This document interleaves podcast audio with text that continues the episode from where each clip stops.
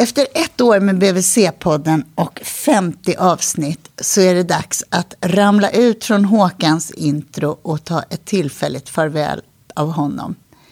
Det här handlar inte om att sammanhållningen i familjer har splittrats av att Håkan har tagit en turnépaus. Utan helt enkelt om att BVC-podden går vidare. Vi ser framåt och följer Rasmus Arvidsson och Hurricane Gilbert ut i natten.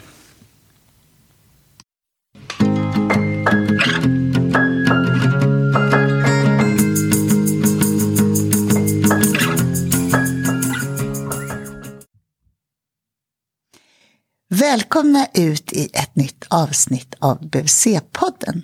Idag ska vi prata om hur barn lär sig språk och vad det är för grundläggande drivkraft att kommunicera som är så här kännetecknande för oss människor redan från att vi slår upp våra ljusblå.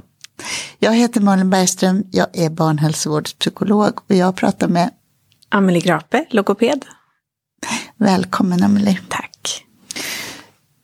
Jag skulle bara vilja börja med att be dig säga någonting om vad, hur ser den här tidiga språkutvecklingen ut hos barn? Men den börjar ju väldigt, väldigt tidigt. Det här med att eh, kommunicera med sina föräldrar. Alltifrån att man redan vid någonstans vid första månaden där börjar le mot sina föräldrar och får svarsleenden.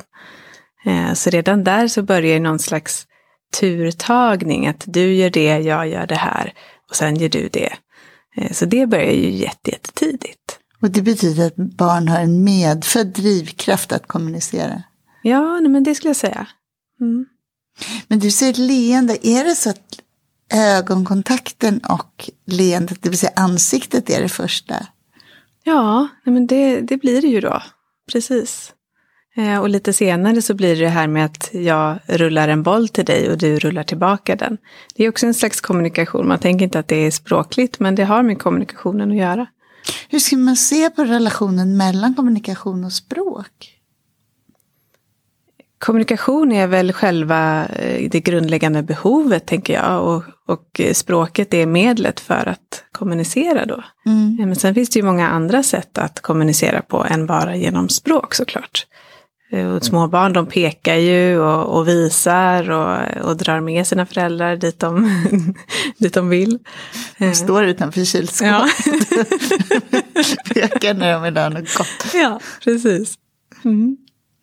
Och sen är det också så att när det gäller själva språket så är det i sig, finns det flera olika komponenter i det som ska utvecklas och som barn behöver träna på. Jo men så är det ju, delvis så är det det här eh, Ehm, det, det som kommer först är ju någon slags förståelse eh, för det. Att man börjar förstå eh, vad en vuxen säger eller någon annan säger.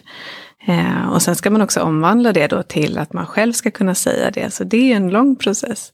Eh, att rent motoriskt kunna uttala orden och ehm, förstå vart, hur tungan ska ligga i munnen och hur munnen ska formas och sådär. Min dotter var så överlycklig förra veckan och sa så här att mamma, jag vet faktiskt en sak om barn som inte du vet. jag tyckte hon var så triumferande. Och det var att danska barn lärde sig prata sent, sa hon. Jag vet inte om det ens stämmer. Men... Det finns en studie som visar det. Eh, att eh, danska barn börjar prata lite senare och att det hänger ihop då med att eh, uttalet är så svårt. Mm.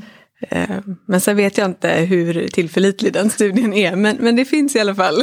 Vi utgår från det eftersom hon nu hade det här trumfkortet. Ja, men, men så, det är också så att den språkmiljö som man omges av redan i magen, eller hur? Mm. För hörseln är en av de ett av de sinnen som utvecklas först. Ja, precis. Jo, och, och, man säger i alla fall att bebisar känner igen sina föräldrars röster när de kommer ut. Mm, och, och den språkmiljö som man sen eh, växer upp i, mm. om vi pratar om väldigt tidig utveckling, det första året, mm. det kommer också göra att jag förlorar känslan för andra språk än det jag absolut um, om, omges av, eller hur? Ja, det var en bra tanke, det har jag inte ens tänkt på riktigt, men så är det ju. Att man lär sig de språken man har närmast. Mm. Eh, och det kan ju vara ett eller flera. Eh, ja. För det tycker jag är vanligt att föräldrar frågar om. Hur är det att växa upp med flera språk? Mm. Och eh, barn som inte har några som helst svårigheter eh, i övrigt, de lär sig ju språk. Har de, de kan ju lära sig fem språk om det är fem språk de har runt omkring sig också. Ehm, och de, eh, det finns ju en myt kring att de skulle vara senare i sin språkutveckling, men så är det inte. De, de följer samma språkutveckling som andra barn. Jag har hört en del logopeder till och med säga att det är det som hjärnan är gjord för. Att vi ska Ja. bolla med flera språk. Ja, det är mycket, mycket möjligt att det är så. Mm. Va- va- Men då är man inte så medveten när man är liten om att det finns flera olika språk. Eller kan man se det att barn växlar medvetet mellan? Jo, men jag, jag, barn är ju väldigt bra på att eh, veta när de ska prata på vilket sätt och med vem. Eh, det, det lär de sig ganska tidigt. Eh, att förstå att när jag träffar, när jag går, kommer till förskolan, då pratar jag det här språket. Och då är det ingen som förstår det här andra språket som jag använder. Så redan när man är liten, och det, för det tänker jag att det kan vara även om jag bara har ett språk som jag lär mig. Så kommer jag ändå kanske använda det på ett annat sätt med kompisar eller med pedagoger än vad jag gör med mina föräldrar. Absolut, så är det. Vad är de vanligaste problemen med små barn som ska lära sig kommunicera och prata? Ja, men det kan ju vara att, att man har en språkstörning till exempel. Eh, och då utvecklas inte språket som det ska. Det kan vara att man har problem med uttalet. Eller att man har problem med eh, att förstå språket. Att man inte riktigt får ihop det. Eh, men också att man har svårt att själv berätta och eh, bygga meningar eh, som blir rätt. Eh, mm. Och hänger det alltid ihop med förmågan att kommunicera? Nej, det skulle jag inte säga. Det kommunicerar jag ju de barnen också, fast de kanske gör det på ett annat sätt. Många av de barnen kan ju använda eh, tecken som stöd, då, som är en slags teckenspråk då, som man lär barn med språkstörning. Eh, så det kan de använda, eller så kan de använda bildstöd, finns också. Eh, och ofta så blir de barnen också ganska bra på att komma runt sina svårigheter. Att de liksom börjar förklara, ja men du vet, det, där borta, eller när vi var där, eller så. Eh, för att förklara sig. Så att man v- väljer enkla ord om man, det är de svåra som man inte kan säga. Ja men precis, eller att man förklarar runt det ordet som man inte riktigt hittar eller kommer på med en gång. Är det rent motoriska eller muskulära i hals och svalg och ansikte och så? Är det en, bidrar det till att det kan vara svårt för barn att prata? Eh, jo men det, det finns, om man, om man ser bara till själva språkstörning så skulle jag säga att det har ingenting med, med motoriken att göra. Men sen kan man också ha det som heter eh, dyspraxi. Eh, och då har man svårt att rent motoriskt forma munnen till ljud och bokstäver. Och framförallt att sätta ihop flera språkljud till ett ord. Att det blir svårt att få ihop det. Apropå det där med språkljud, när man är väldigt liten och börjar lära sig ett språk, hör man det som en melodi då? Eller hör man språkljud och satsdelar och ord? Och, hur funkar det där? Ja, Man hör absolut en melodi och det finns ju studier som också visar att eh, barns eh, joller skiljer sig åt beroende på vilket land de kommer ifrån. Så, så melodin fångar de upp ganska tidigt. Kan du ge något exempel? Det låter så gulligt. Jollerna? Ja, gör det. Nej, men det vet jag inte om jag kan. Men, men man kan ju tänka sig ett franskt barn inte jollrar som ett svenskt barn ändå. Att man faktiskt kan höra skillnader. Mm. Så att jollret speglar det språk som man har Ja. omkring sig. Ja. Och till en början så lär sig ju barn också fraser som ett ord. Eh, så att de inte förstår att det är flera ord. Det kan ju vara eh, åka bil till exempel. Att det är ett ord eh, istället för Det är som två. ett verb. Det, det Ja, men precis. det. Ja, precis. Och sen börjar barn förstå att aha, men det är två separata ord. Och åka kan man sätta ihop med ett annat ord också. Eller så. Mm. Det finns ju också, är det inte så ändå att vissa tidiga ord är ganska lika på många språk? Som att de är gjorda på något sätt som mamma och pappa. Jo, men mamma och pappa brukar ju vara tidigt på de flesta språk. Men sen så är det nog olika beroende på eh, vilka ord som är, eh, delvis vilka ord som barn intresserar sig för. Det, det brukar ju vara ungefär samma saker med lampa och, och sådär. Eh, men sen så också vilka ord som är lätta att uttala, tänker jag. Och apropå det så har man ju en tendens som förälder, även om man är liksom en utomstående så det väcker ju någon lust i en tycker jag att prata bebisspråk med barn. Mm. När man möter dem. Mm, men det, så är det och det är inget fel med att prata bebisspråk med barn, utan tvärtom så har man sett att barnen då, framförallt små barn då, att de uppmärksammar att aha, nej men nu är det mig du pratar med och då ska jag titta och jag ska svara och att det lockar fram språket hos barnet också. Så det är ett sätt att anpassa sig efter barnet? Ja, precis, och det gör man väldigt omedvetet. Eh, men sen ska man inte fortsätta prata bebisspråk med barnet när det blir större såklart. Men just de här små barnen, det, det är det är en omedveten sak som de flesta gör. Och som hjälper barn. Ja. Jag kan tycka att vi på BVC är ganska fokuserade på antal ord. Mm. Och när jag har skrivit om barns utveckling så har det också varit mycket så här, alltså hur många ord kan de förstå, kan de säga olika mm. åldrar och sådär. Och ibland kan jag undra om det där är ett bra mått tycker också jag möter många oroliga föräldrar. Om jag börjar räkna och tänker 17 nu ligger man fel eller så. Är det ja. där ett bra mått? Det är väl inget bra mått, men det finns inte så många bra mått heller för små barn, för de kan vara så otroligt olika i utvecklingen. Eh, jag tycker barn under tre år kan vara eh, jätteolika i sin språkutveckling. Sen efter tre års ålder, då brukar, det, då brukar de bli mer lika. Ehm, så jag tror att det är det de BVC-sköterskorna har och går på egentligen. Att, eh, ja, en riktlinje. Men om, man, om jag är lite orolig för ett barn eller för mitt barn kring språkutveckling och tänker nu pratar den inte de där tio mm, orden som mm. den borde. Men den kanske verkar förstå ändå. Mm. Hur ska man stimulera? Vad är en bra stimulans språkligt för ett barn? Men om, man, om man har ett barn som man är orolig för, eh, ja, delvis så kan man ju kontakta BVC då och få en, ett möte eller en remiss till logoped såklart. Men, men innan det så kan man ju också eh, börja se vad barnet intresserar sig för. Vad, vad tycker barnet är kul? Och då kan man också försöka få upp Istället för att man pekar på saker bara och säger dem så kan man ju faktiskt föra upp en leksak till exempel nära munnen så att barnet ser när man säger eh, ordet. Eh, för det kan också stimulera att barnet förstår att aha, det är så där det ser ut när man säger det. Betyder det också att man behöver gå med barnet? Att det gäller att fånga barnets intresse ja, och lust? Man ska absolut. prata om, med, om bilar med små barn som tycker om bilar. Absolut, så är det ju såklart. Och får man inte med sig barnet eh, med, med barnets intresse så är det ju, då lär sig inte barnet någonting tänker jag.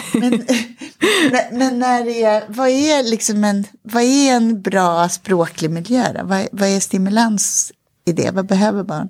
Men delvis så tänker jag att det är en miljö där eh, man inte pratar för snabbt. Att man faktiskt försöker sänka tempot lite grann när man pratar. Och också eh, att det finns plats för lite tystnad. Där barnet själv kan fundera över vad, vad vill jag säga nu? Eller ta de här kommunikativa initiativen som man pratar om. Att de faktiskt ska eh, vilja fånga din uppmärksamhet. Eh, men sen tänker jag också det här med att läsa böcker är ju jätte, en jätteviktig del i språkutvecklingen. Um, men också att man som förälder eller annan vuxen, att man sitter ner och pratar med barnet i barnets miljö och um, följer med barnet i vad det, vad det barnet intresserar sig för. Så någon slags ganska vanligt föräldraskap av att vara närvarande och vara ja. lite med barnet, läsa lite sagor. Och mm. att, men också att vänta in barnet och, och lyssna och uppmuntra barnet genom att själv vara tyst men vara mm. närvarande. Det tycker jag. Det, det är det som räcker på något sätt. Då. Ja, absolut. Och barn är ju eh, generellt sett så är barn jättesnabba med att snappa upp språk. Eh, så att det, det brukar ju inte vara något problem i de flesta fallen. Så det är det här som du beskriver nu, det är egentligen det som barn behöver för att språket ska komma loss och blomstra. Mm, mm, absolut. Mm. Mänsklig samvaro. Hur Aha. viktig är leken då, att man får vara med andra barn? Men det är också jätteviktigt såklart, för där lär man sig en annan slags kommunikation också. Eh, hur man är en bra kompis och eh, vad händer om jag tar den här leksaken och hur reagerar det andra barnet då. Så det är ju också en viktig del i språkutvecklingen såklart. Mm. Och pratar barn annorlunda med varandra än vad de gör med vuxna? Eh, det gör de ju. Eh, men eh, Ja, jo men det, det kan ju vara lite olika språk man använder med en vuxen jämfört med ett annat barn. Mm. Och gör man det omedvetet? Ja, mer eller mindre skulle jag säga. När de är små så tror jag inte de reflekterar så mycket över det då. Men, men senare så, så klart att då, då sker det väl mer, mer eller mindre omedvetet. Det gör man ju själv också om man tänker att man anpassar sitt språk efter den man umgås med. Och ibland så gör man det medvetet och ibland så är man med en kompis en dag och en annan kompis nästa dag och då pratar man på helt olika sätt. Jag tänkte på det precis när du sa det, att så gör man ju själv också. Ja. Man, fast man inte tänker på det. Nej. Men att det är det också som är så språket i kommunikation. Mm. Mm. Som en liten del av det. Mm. Jag ville nagla fast mig vid det här kring kommunikation och eh, fråga liksom, hur kan man tänka på, hur kan man titta på det hos barn? Deras förmåga att kommunicera. Och då tänker jag på lite äldre barn. Någonstans kanske två till fyra år eller så. Mm. Men det är ju, eh, kommunikationen som sagt, det är ju en, en motor som barnet har. Eh, och som är väldigt viktig för språkutvecklingen. Eh, och för hela utvecklingen egentligen. Eh, så, så den är väldigt viktig och när, barn kommer till mig som logoped så är det en del som jag bedömer också, om barnet verkar ha en kommunikationsförmåga. Vissa barn är ju jättekommunikativa fast de inte säger nästan ett ord, de kanske bara gör ljud, men de kan ju fortfarande kommunicera jättemycket och det tyder ju ändå på någon slags eh, förmåga att lära sig språket också. Och då tänker du egentligen att allt när barnet visar att de vill ha kontakt, mm. att de vill interagera, att de vill vara och göra tillsammans mm. och göra sig förstådda. Det är, om den drivkraften finns, mm. då, då är språket som en liten överbyggnad som får komma sen. Liksom. Ja, eh, och i alla fall att det finns någon slags grundförutsättning till det. Att eh, barnet vill Eh, kommunicera, att viljan finns där. Eh, tänker man på barn som ehm, inte har det här kommunikativa. Tänker på barn som kanske har något neuropsykiatriskt, eh, någon sån svårighet. Så, så har ju de inte alltid, ibland har de det, men inte alltid samma motor till att vilja kommunicera på det sättet. Eller så vill de kommunicera på sitt sätt och på sina egna villkor mer. Mm. Som förälder då, eller som BVV-sjuksköterska, när ska man tänka att det är dags att eh, att, att hjälpa barnet, till exempel till en logoped? Men dels så tycker jag att om man själv känner sig orolig som förälder så ska man lita på det. Och då tycker jag det är lika bra att söka sig till en logoped då. Ehm, för jag, jag, tror att de flesta föräldrar har någon magkänsla när någonting inte stämmer. Ehm, men annars så tycker jag att dels att man ska ha en dialog med sin BVC-sköterska såklart. Att man pratar med henne eller honom om det. Men eh, runt tre års ålder skulle jag säga att om det inte har lossnat då med språket, att man inte har börjat prata i, i lite längre meningar och sådär, att man i alla fall sätter ihop tvåordsmeningar och så. Eh, då tycker jag absolut att man ska söka upp en logoped. Vad kan man få för hjälp då om man nu gör det? Då kan man delvis få Mm, de flesta logopedmottagningar har någon form av kommunikationskurs eh, där man går igenom hur man eh, kommunicerar med sitt barn. Eh, grundläggande kommunikation. Och sen finns det också teckenkurs då där man kan lära sig att teckna med sitt barn. Och de tecknen funkar både språkstimulerande och att faktiskt stimulera språket hos barnet men också som ett bildstöd när man själv pratar, att barnet har lättare att förstå det man säger. Och barnet kan själv lättare kommunicera då det han eller hon vill. Mm. Eh, men sen kan man också komma i behandling till en logoped, att man ses, eh, brukar man ses en gång i veckan ungefär. Eh, och träna på saker, så brukar man få hemläxor, saker man ska göra hemma. Och då får mm. barnet konkret hjälp att komma igång. Ja, precis. Men handlar det om barn som har svårt att uttrycka sig själva eller är det också barn som har svårt att förstå? Ja, men det är väl förhoppningen i alla fall när man behandlar ett barn, att de ska lära sig både att förstå och uttrycka sig. Och man brukar säga att förståelsen kommer innan förmågan att uttrycka sig kommer. Eh, så att eh, det är en viktig del i, i behandlingen också. Eh, men oftast så försöker man väl att medvetandegöra språket för barnet, att man blir, att få barnet att förstå att så här ser språket ut. Och på så sätt hjälpa barnet. Mm. Det låter viktigt. Man tänker att det måste vara jättejobbigt för små barn att gå runt i sin tillvaro utan att, ah, utan att klara det om man inte mm. förstår det. Jo, det kan ju leda till att man delvis får beteendeproblematik, att man blir utåtagerande, men sen eh, senare i livet så har man också sett att det drabbar eh, självkänslan och självförtroendet väldigt mycket. Eh, och det här är ju, språkstörning har ju ingenting med intelligens att göra överhuvudtaget. Så att det kan ju vara helt normalbegåvade eh, elever som har en språkstörning, men som känner sig dumma eller in, känner, känner sig utanför eller inte hänger med. Hänger det här ihop med att man får läs och skrivsvårigheter eller dyslexi? Det kan göra det, men man kan också ha en språkstörning och ja, inte dyslexi. Eh, men oftast, eh, det är vanligare att de barnen som har eh, svårt med uttalet, att de senare får dyslexi. För att det hänger ihop med det här med hur man tolkar språkljuden. Avslutningsvis vill jag bara fråga om en, någonting annat som är ganska vanligt på BVC när barn är sådär tre, fyra år och det är att barn stammar. Mm. Hur ska man tänka kring det? Det finns ju normal barnstamning som all, de, eller de flesta barn går igenom där runt tre, fyra års ålder ungefär. Eh, och det är väl mer någon slags eh, upphakning att de säger mamma, mamma, mamma, mamma eller något liknande. Eller vet du, vet du, vet du och så hakar de upp sig sådär och fastnar lite grann.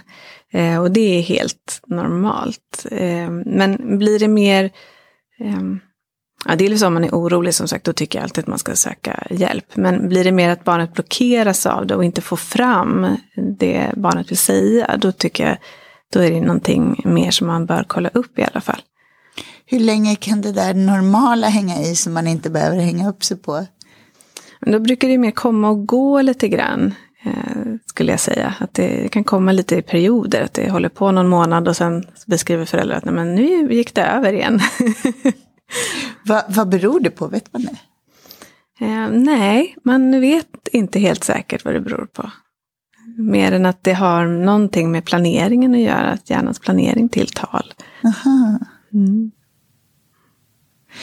Då tackar jag dig och så ska vi glida ut från den här podden. Tack.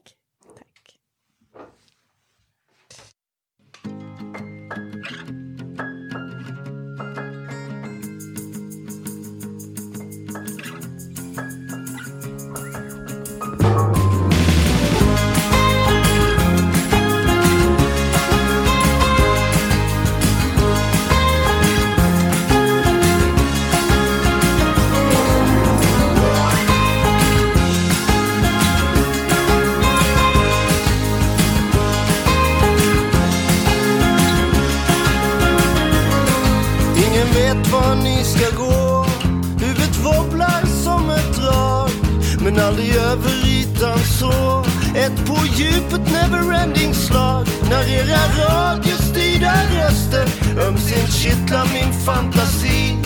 Flipper spelar sönder impulserna för mitt självbedrägeri. När ni skjuter ut i natten finns det inget av mig kvar. Alla döda ögonskratten bara vakten minns vem som var när ni cementerar kvällen är det utan min frenesi Den insomnade eternellen. vaknar aldrig mer till liv ut i natt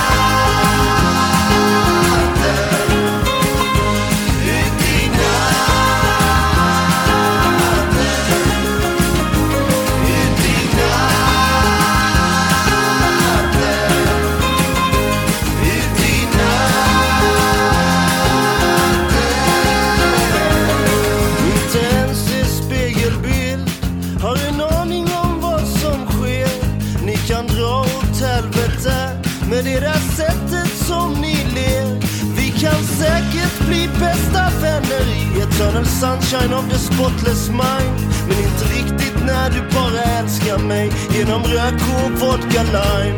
När ni skjuter ute i natten finns det inget av mig kvar. Alla döda ögonskratten, bara vakten minns vem som var. När ni cementerar kvällen är det utan min frenesi. Den är somnade till Nellen, vandrar aldrig mer till liv.